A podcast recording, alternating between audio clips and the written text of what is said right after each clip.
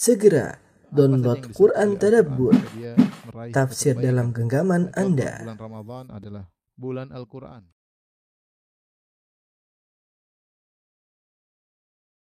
Bismillahirrahmanirrahim. Assalamualaikum warahmatullahi wabarakatuh. Alhamdulillahi ala ihsani wa syukru lahu ala taufiqihi wa amtinani. Asyhadu an la ilaha illallah wahdahu la syarika lahu ta'ziman li sya'ni wa asyhadu anna Rasuluhu da ila ridwani. Allahumma salli alaihi wa ala alihi wa ashabihi wa. Uh, rekan-rekan yang dirahmati Allah Subhanahu wa taala, uh, Majelis Ta'lim Al-Ittiba yang dimuliakan oleh Allah Subhanahu wa taala, kita melanjutkan pelajaran kita tentang Kitab Tauhid dan sampai kita pada bab yang ke-13 minasyirki an yastaghitha bi ghairillahi aw yad'u ghairahu.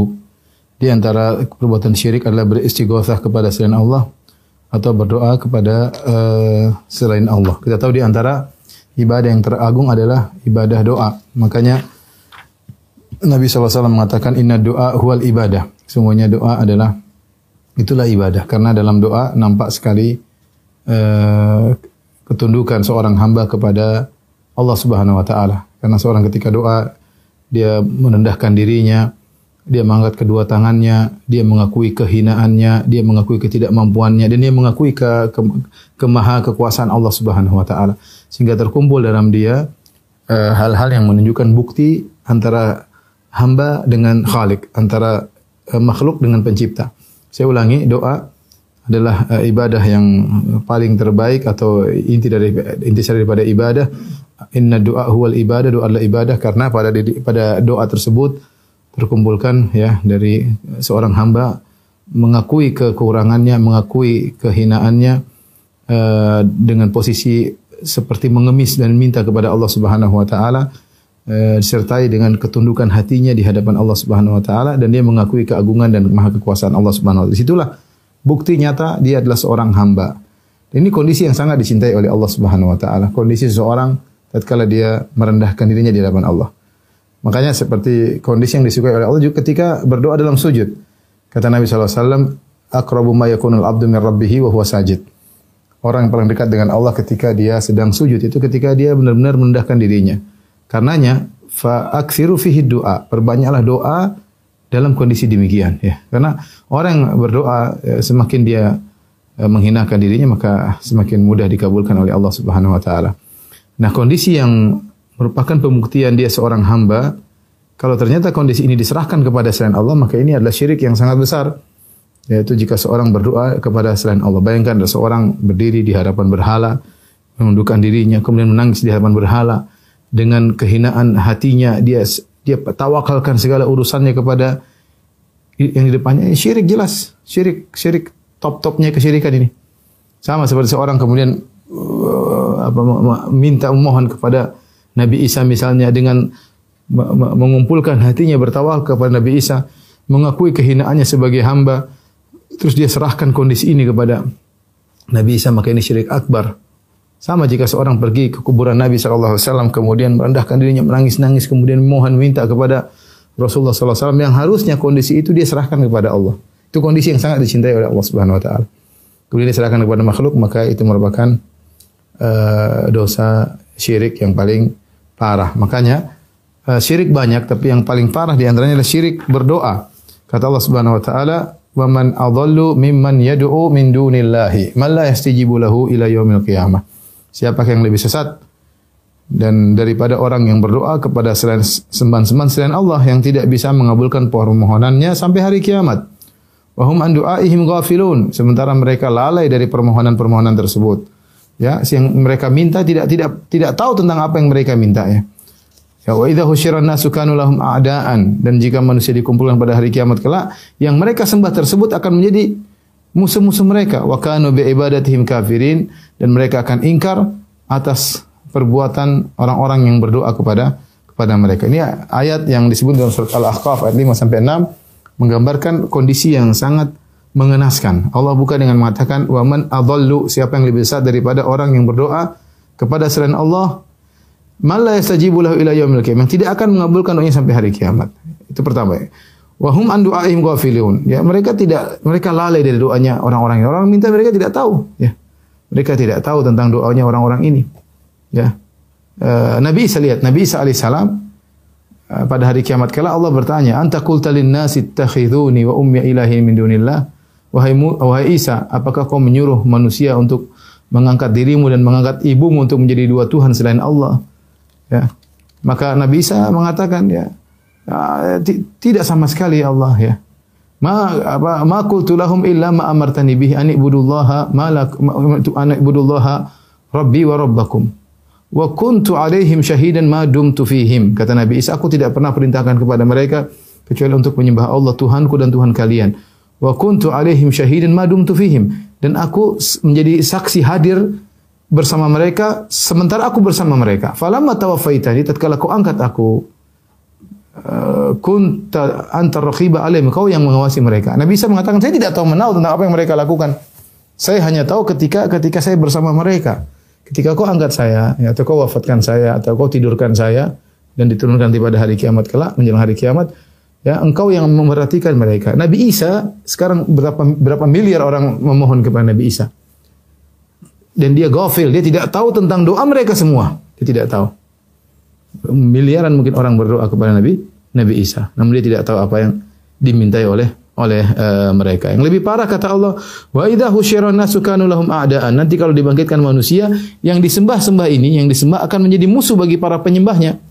Wa kanu bi ibadatim kafir dan mereka yang disembah akan berlepas diri dari peribadatan yang dilakukan terhadap mereka pada ketika di di dunia. Hal ini kenapa uh, ikhwan dan akhwat rahmatillah subhanahu wa taala karena tidak ada yang bisa mengabulkan doa kecuali Allah subhanahu wa taala.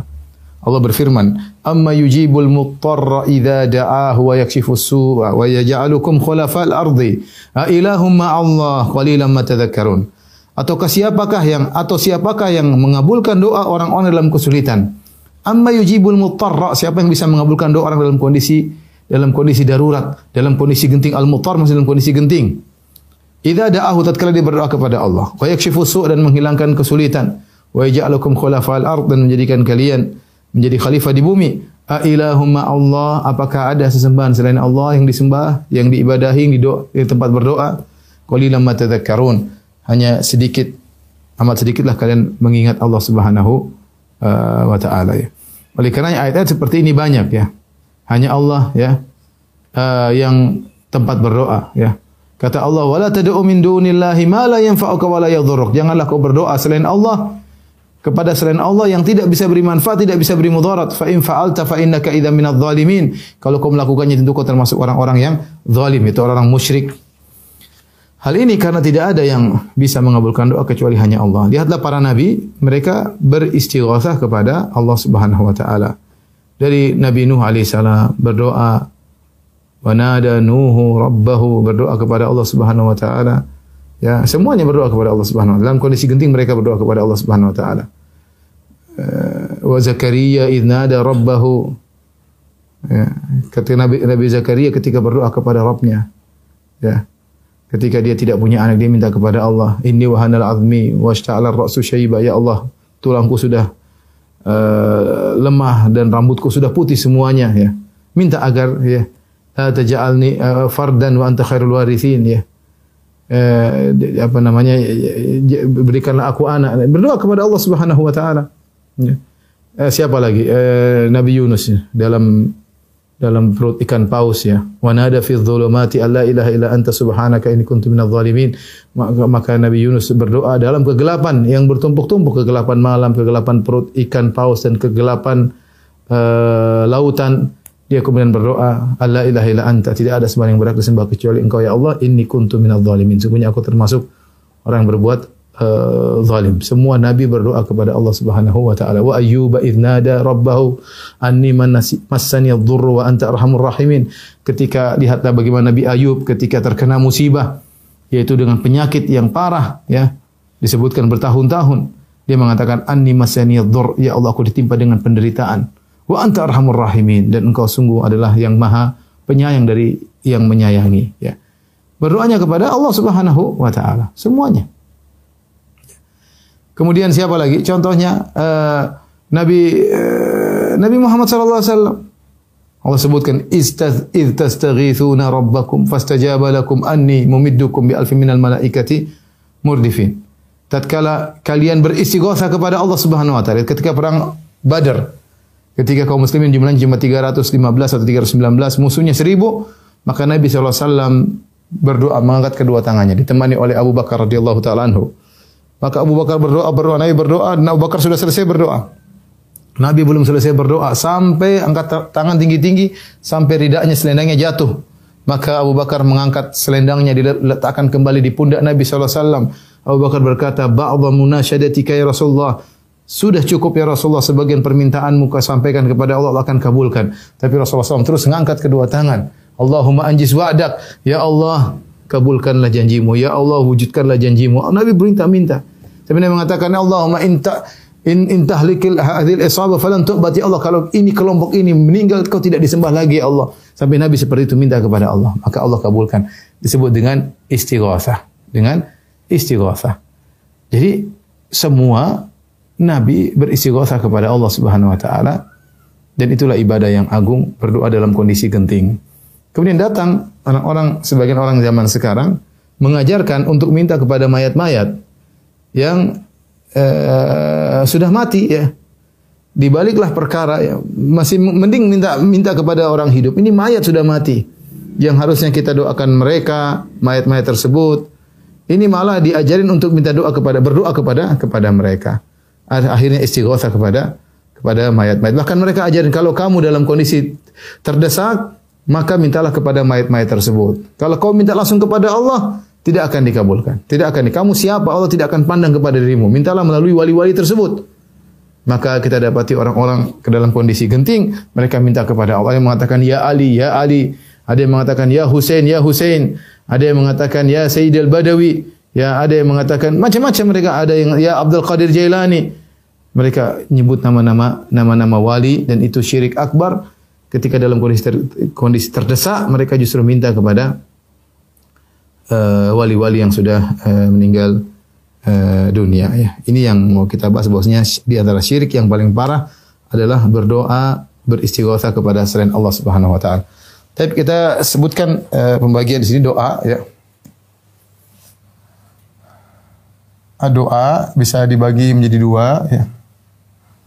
Uh, namanya doa ul ibadah. Namanya yang kedua doa ul masalah. Doa ibadah maksudnya semua ibadah disebut doa ya. ya. Semua ibadah dinamakan juga dengan doa.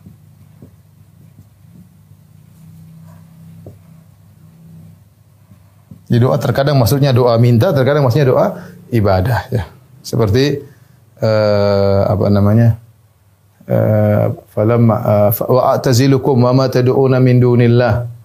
Ya wa adu rabbi asa alla akuna bi du'ai rabbi syaqiyya falamma i'tazalu ma ya'buduna min dunillah. Ya seperti dalam surat Maryam kata Nabi Ibrahim ya wa a'tazilukum wa ma tad'una min dunillah kata Nabi Ibrahim alaihissalam aku tinggalkan kalian dan apa yang kalian sembah selain Allah kemudian kata Allah falamma i'tazalahum wa ma ya'buduna min dunillah.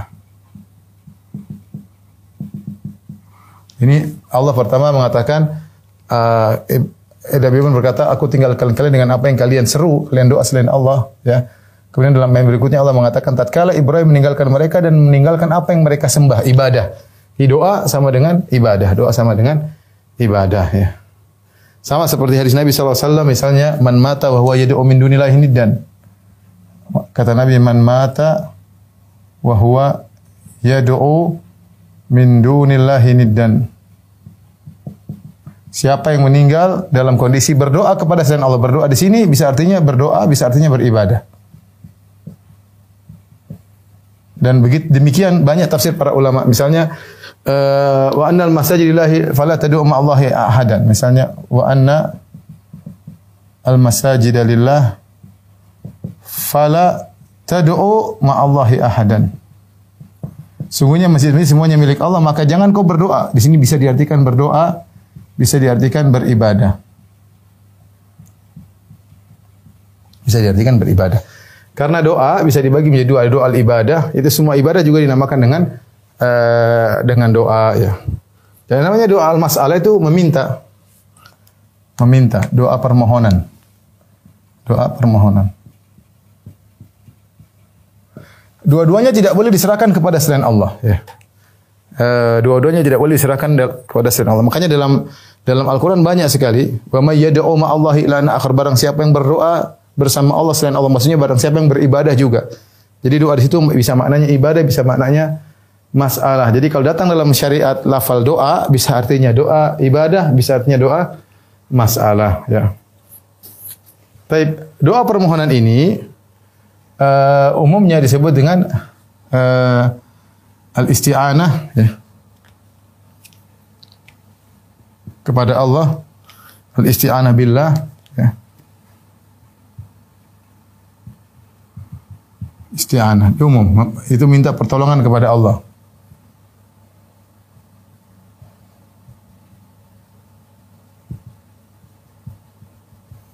Nah, al-isti'anah bisa dua ya. Bisa namanya al-isti'adzah minta perlindungan.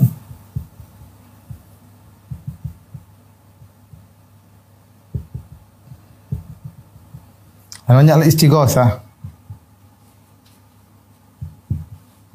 istighosa minta ghaus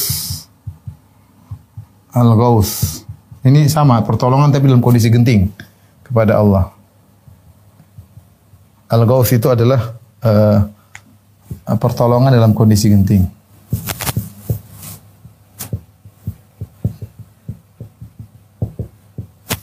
Sehingga kalau kita boleh artikan istighatsah adalah minta pertolongan kepada Allah dalam kondisi genting. Inilah makna uh, ya. Semuanya kita hanya boleh kepada Allah. Istighatsah, al-isti'anah billah, al-isti'adzah billah, al-istighatsah billah ya. Semuanya harus kepada Allah Subhanahu wa taala. Nah, uh, nah bagaimana uh, kalau kita uh, kepada selain Allah maka ada uh, perinciannya. Insya Allah saya uh, gambarkan setelah ini tolong dihapuskan.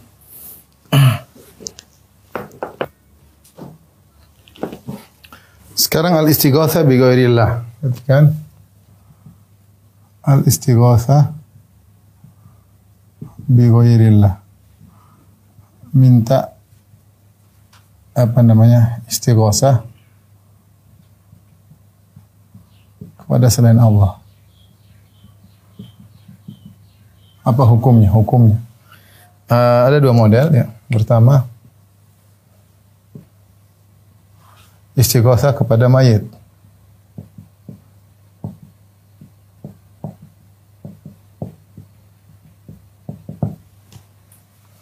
Kedua istighosah kepada yang hidup. Yang masih hidup. Istighosah kepada yang masih hidup terbagi menjadi dua, ya.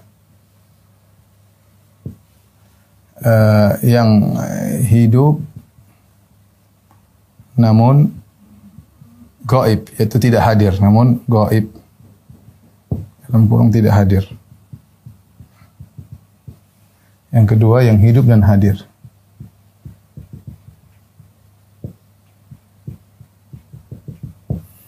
Kalau yang hidup namun gaib tidak hadir, maka ada uh, dua kemungkinan.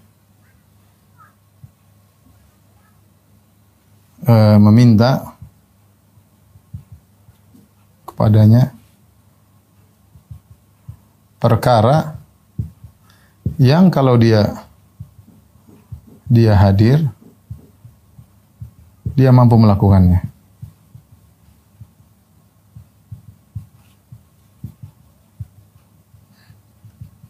Yang kedua, meminta perkara yang kalau dia hadir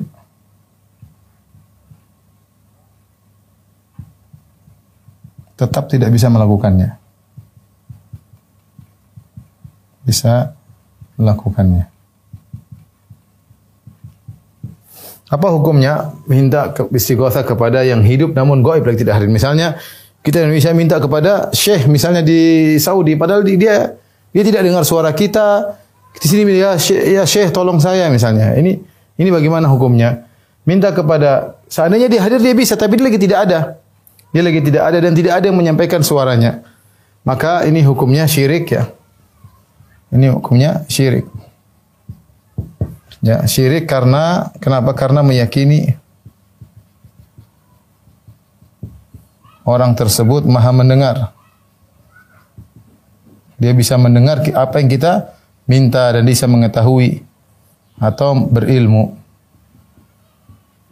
Ya. Padahal tidak beda kalau kita telepon dia inilah ini tidak ada hubungan, tidak ada connecting sama sekali. Kita sebut nama dia dan dia tidak tidak di hadapan kita. Kita yak- yakin dia akan dengar. Ya, ini maka dia maha mendengar. Ini syirik. Ini syirik ya. Padahal dia hidup, berarti ini hidup ya. Hidup, namun dia gaib, hidup gaib. Ini al-hayyu al-ghaib. Yang al-hayy al-ghaib, yang hidup tapi dia gaib. Eh, yang kedua, ini meminta perkara yang kalau dia hadir tetap tidak bisa melakukannya. Ini lebih parah lagi. Ini syirik lebih parah. Dari dua sisi, pertama meyakini dia maha maha mendengar atau ilmu. ya. Yang kedua, melakukan sesuatu di luar kemampuannya. Melakukan yang tidak bisa, yang hanya Allah yang bisa melakukannya. Yang hanya Allah yang bisa melakukannya.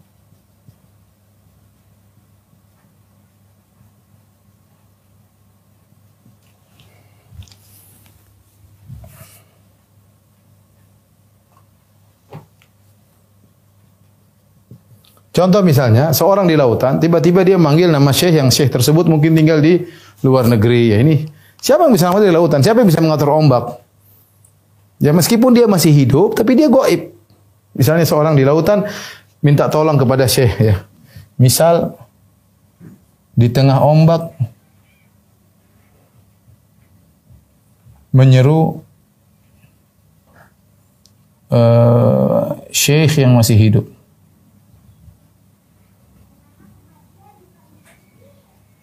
Tapi goib, tapi tidak hadir.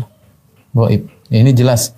Syiriknya dua ya. Dari sisi dia meyakini syekh tersebut maha mendengar.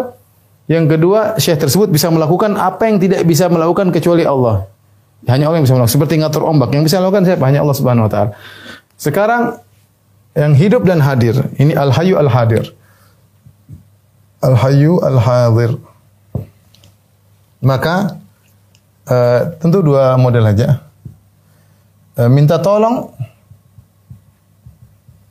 pada perkara yang dia mampu lakukan. Ini boleh tentunya. Perkara yang dia mampu lakukan. Maka ini hukumnya boleh. Ya seperti Allah sebutkan dalam surat Al-Qasas. Fastaghathahu alladhi huwa min syi'atihi ala alladhi huwa min aduwihi. Ketika kata Allah Subhanahu wa taala, ketika uh, seorang suku Bani Israel minta tolong kepada Nabi Musa. Kata Allah, "Fastaghathahu alladhi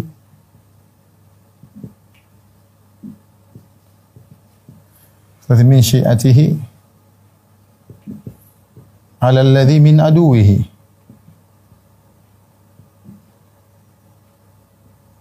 Fawakazahu Musa faqadha alaih. Ya ketika Nabi Musa wa dakhala al-madinata alaihi ghaflatin min ahliha Musa masuk ke ke kota tiba-tiba ada orang bertengkar. Yang satu dari suku Kipti, suku Firaun, yang satu dari suku Mesir. Fastaghathahu alladhi min syi'atihi, ternyata yang dari suku Mesir lihat Musa dia minta tolong, wahai Musa, agisni tolonglah aku. Ala alladhi min aduhi untuk mem- mem- memukul orang yang dari suku Firaun. Fawakazahu Musa faqadha Musa pukul dia ya, tidak berniat membunuh tapi saking kuatnya Musa atau saking lemahnya orang tersebut maka dia pun mati. Tapi ini istighosa yang boleh. Artinya minta tolong pada perkara yang mampu ya. Jadi kita minta tolong kepada polisi, kita minta tolong kepada eh, pejabat misalnya minta tolong boleh. Ya. Dalam kondisi genting kita telepon dia, kita hubungi dia karena dia mampu untuk melakukan. Adapun minta tolong pada perkara yang tidak dimampui,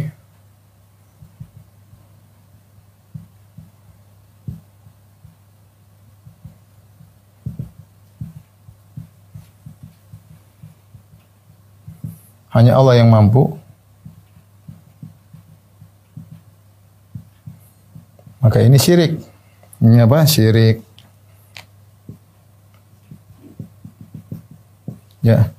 Seperti minta kepada seorang ya ya, ya apa ya, Syekh lapangkan rezekiku, ya Syekh mudahkanlah aku, istri saya mudahkan bagaimana bisa melahirkan. Ya ini tidak bisa. Ini urusan Allah Subhanahu wa taala ya.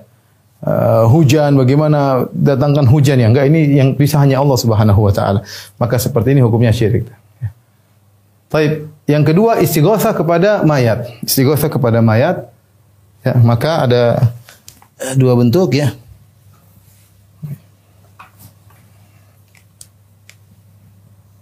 Yang pertama di hadapan di hadapan mayat langsung. Dua kondisi. Ya, dua kondisi. Kemudian jauh dari mayat.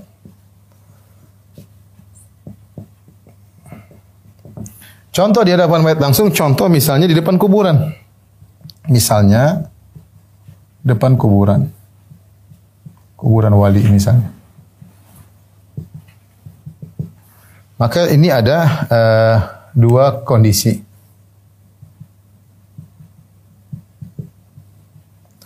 Meminta mayat untuk mendoakan.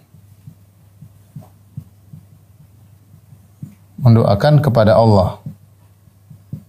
Datang ke kuburan mbah atau ya wali, ya sunan. Mintakanlah untukku kepada Allah agar Allah memberikan aku begini. Jadi Eh, berdoanya kepada Allah tapi minta lewat dia. Bagaimana hukumnya? Ini ada khilaf, hukumnya khilaf. Seperti ini. Ada yang mengatakan ini uh, syirik. Ini pendapat sebagian ulama dia mengatakan bid'ah.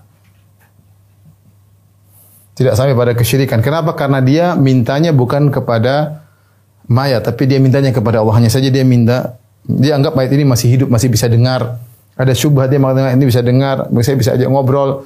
Ya mumpung dia masih bisa dengar, saya bilang tolong mintakan kepada Allah. Maka ada khilaf ada yang mengatakan termasuk syirik karena dia merendah kepada Allah sehingga ada sejenis ibadah kepada eh, dia merendah kepada sang mayat sehingga ada ibadah kepada mayat tersebut datang oh ya mayat ya wali ya seakan-akan dia ada ibadah ke situ. Tapi sebenarnya mengatakan tidak tidak sampai pada derajat syirik karena dia tetap minta kepada Allah bukan minta kepada mayat. Mayatnya hanya sekedar uh, doakan dia. Ya ini tapi dia mintanya di depan kuburan. Kenapa dikatakan bid'ah? Karena dengan dua alasan, dua alasan. Pertama, uh, mintanya tetap kepada Allah.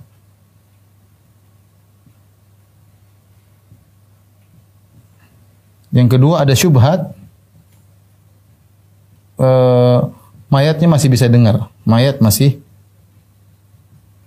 bisa dengar. Taib. Uh, adapun yang kedua meminta kepada mayat maka ini jelas syirik ya namanya doa berarti ini syirik dengan kesepakatan syirik akbar datang kepada mayat wahai mayat mudahkanlah urusanku Wahai mbah, mudahkanlah urusanku, ridhoilah uh, apa namanya uh, lap, lapangkanlah rizkiku. Ya mbah, uh, mudahkan istriku mengandung. Nah, ini semua ini syirik akbar. Syirik akbar. Karena dia minta hal-hal kepada mayat. Ya. Taib. Adapun kalau dia istighosa kepada dalam kondisi dalam kondisi jauh dari mayat. Ya, contoh, contoh. istighosa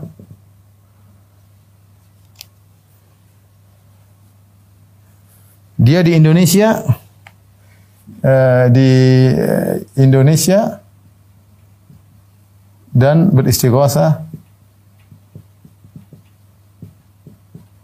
kepada uh, misalnya Hussein ya, atau Abdul Qadir Jailani. Kita tahu Hussein kuburannya entah di mana, entah di Karbala atau di Madinah atau di mana yang penting bukan Indonesia. Husain radhiyallahu taala anhu ya.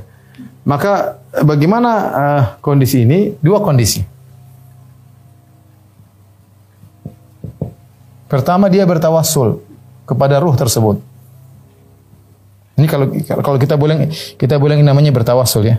Minta mayat untuk mendoakan kepada Allah kita boleh istilahkan dengan istilah mereka mereka namakan dengan bertawasul tapi bertawasul yang tidak benar ya. Ya.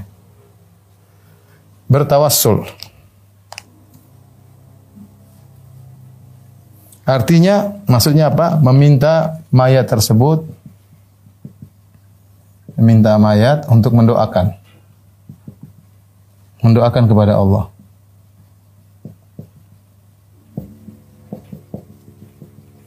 Maksudnya apa? Kondisi ini sama dengan kondisi sama antara ini dengan ini. Cuma bedanya ini di hadapan kuburan, kalau ini jauh dari kuburan. Apakah ada beda hukum? Ini hukumnya syirik akbar. Syirik. Kenapa? Karena dia meyakini sang mayat maha mendengar.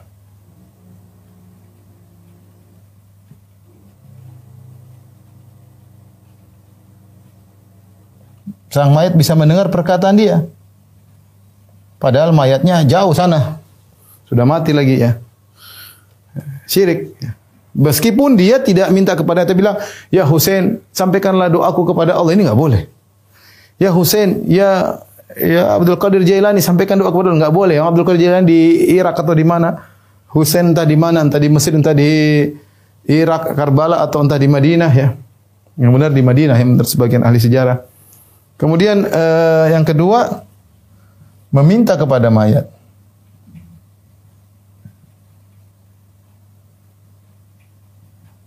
Maka ini syirik lebih parah. Syirik lebih parah.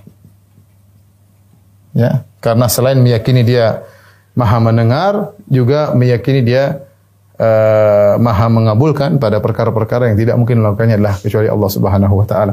Ini kira-kira hukum uh, istighatsah uh, kepada selain Allah Subhanahu wa taala. Ternyata ada yang uh, boleh cuma ini ini yang boleh. Perhatikan ini boleh.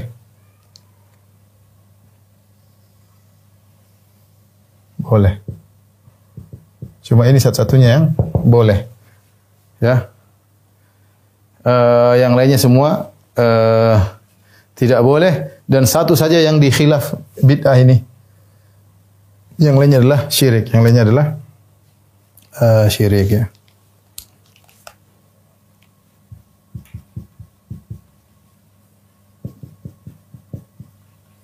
Yang lainnya adalah uh, syirik. Taib bisa di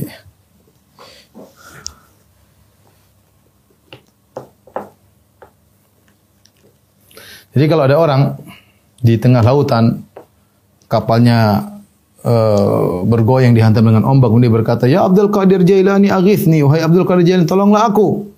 Maka dia musyrik jelas. Musyrik dia meyakini Abdul Qadir Jailani Maha mengetahui. Di mana pun dia minta, maka Abdul Qadir Jailani tahu. Yang kedua meyakini Abdul Qadir Jailani Maha mendengar. Dia sampai di tengah lautan ngomong pun Abdul Qadir Jailani Maha mendengar. Yang ketiga, dia meyakini Abdul Qadir Jailani bisa menyelamatkan dia dari ombak yang terjadi dan ini perkara yang tidak mungkin melakukannya kecuali Allah. Maka pada ini terkumpul tiga kesyirikan.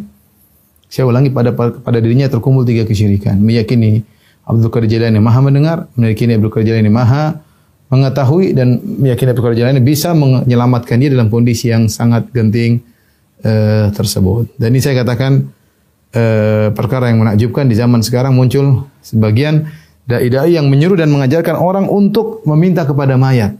Padahal mayat ya, mayat itu justru kita doakan dia, bukan kita malah minta-minta kepada dia ya, bukan kita malah minta kepada dia. Lihatlah Nabi Shallallahu Alaihi Wasallam ketika bercerita tentang para sahabat yang mati syahid.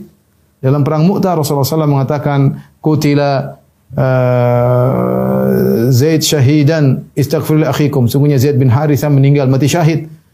Mohon ampunlah buat dia. Ya, ini mati syahid padahal yang kata Allah mata syahid itu belum mati, tapi di sisi Allah Subhanahu wa taala hidup di alam barzakh. Dapat kedudukan mulia, tapi dia butuh ampunan agar semakin tinggi derajatnya.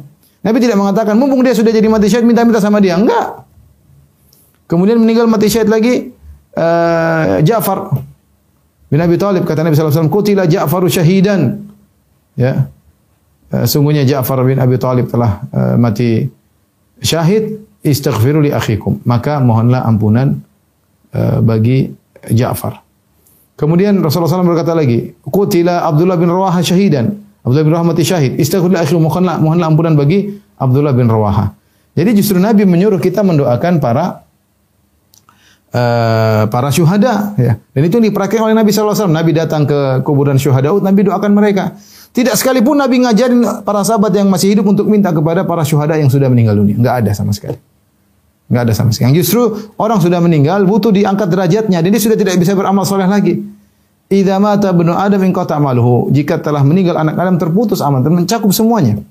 Semua termasuk mati orang yang mati syahid terputus amalannya. Kecuali illa min salat, kecuali tiga perkara. Dari amal soleh, uh, sedekah jariyah, sedekah jariyah, ilmu yang tafawil bermanfaat, kemudian waladun soleh doa anak soleh yang mendoakannya.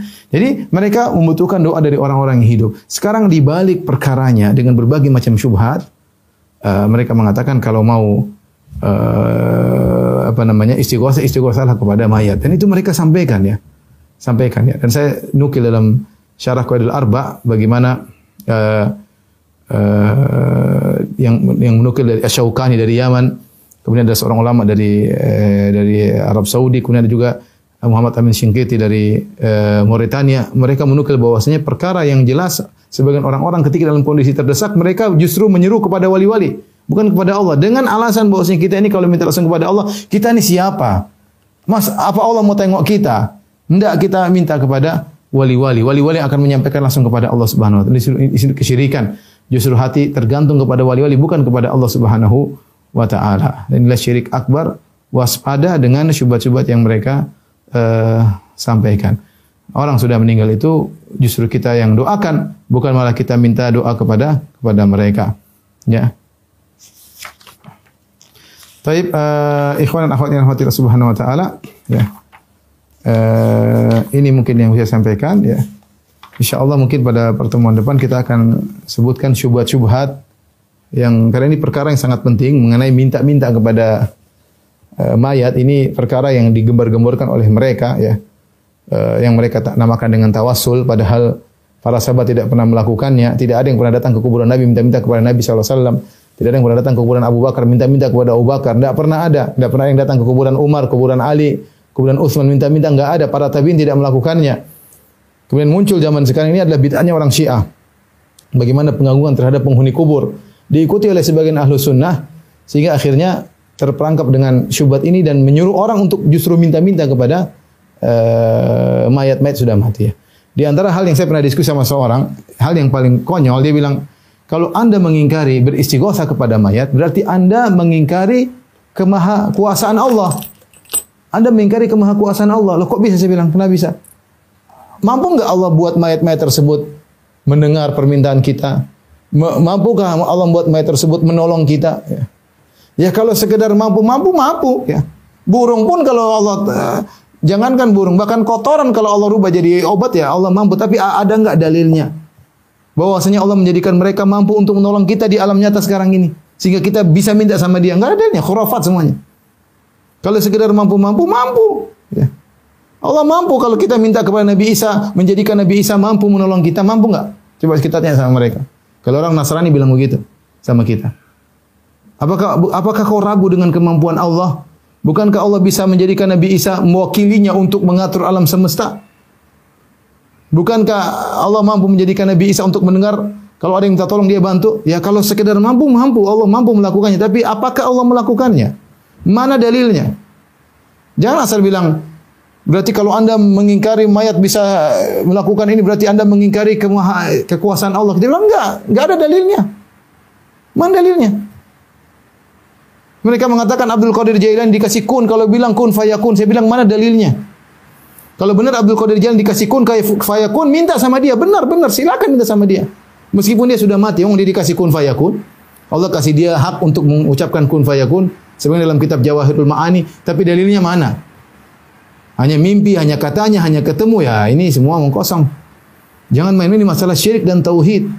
Bagaimana mengajarkan orang orang saja bergantung kepada jimat. Syirik ini bergantung kepada suatu yang tidak ada, yang yang, yang tidak hadir. Ya.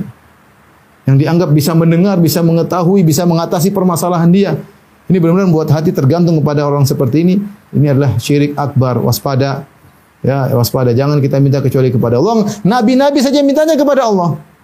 Nabi Muhammad SAW minta kepada Allah, Nabi Musa, Nabi Isa, semuanya minta kepada Allah, minta tolong sama Allah Subhanahu wa taala. Istighosa kepada Allah. Lantas kemudian kita minta sama nabi-nabi tersebut. Yang nabi-nabi tersebut tidak bisa menolong diri mereka sendiri. Nabi Muhammad SAW bisa menolong dirinya dalam perang Badar? Enggak ada, Allah yang tolong. Enggak bisa kalau Allah enggak tolong, enggak bisa. Terus kita minta kepada nabi-nabi tersebut. Apalagi hanya kepada orang di bawah para nabi, apalagi orang yang enggak jelas dianggap wali belum tentu wali. Allah alam bisawab demikian saja yang saya sampaikan oleh saya mohon maaf wabillahi taufiq. Assalamualaikum warahmatullahi wabarakatuh.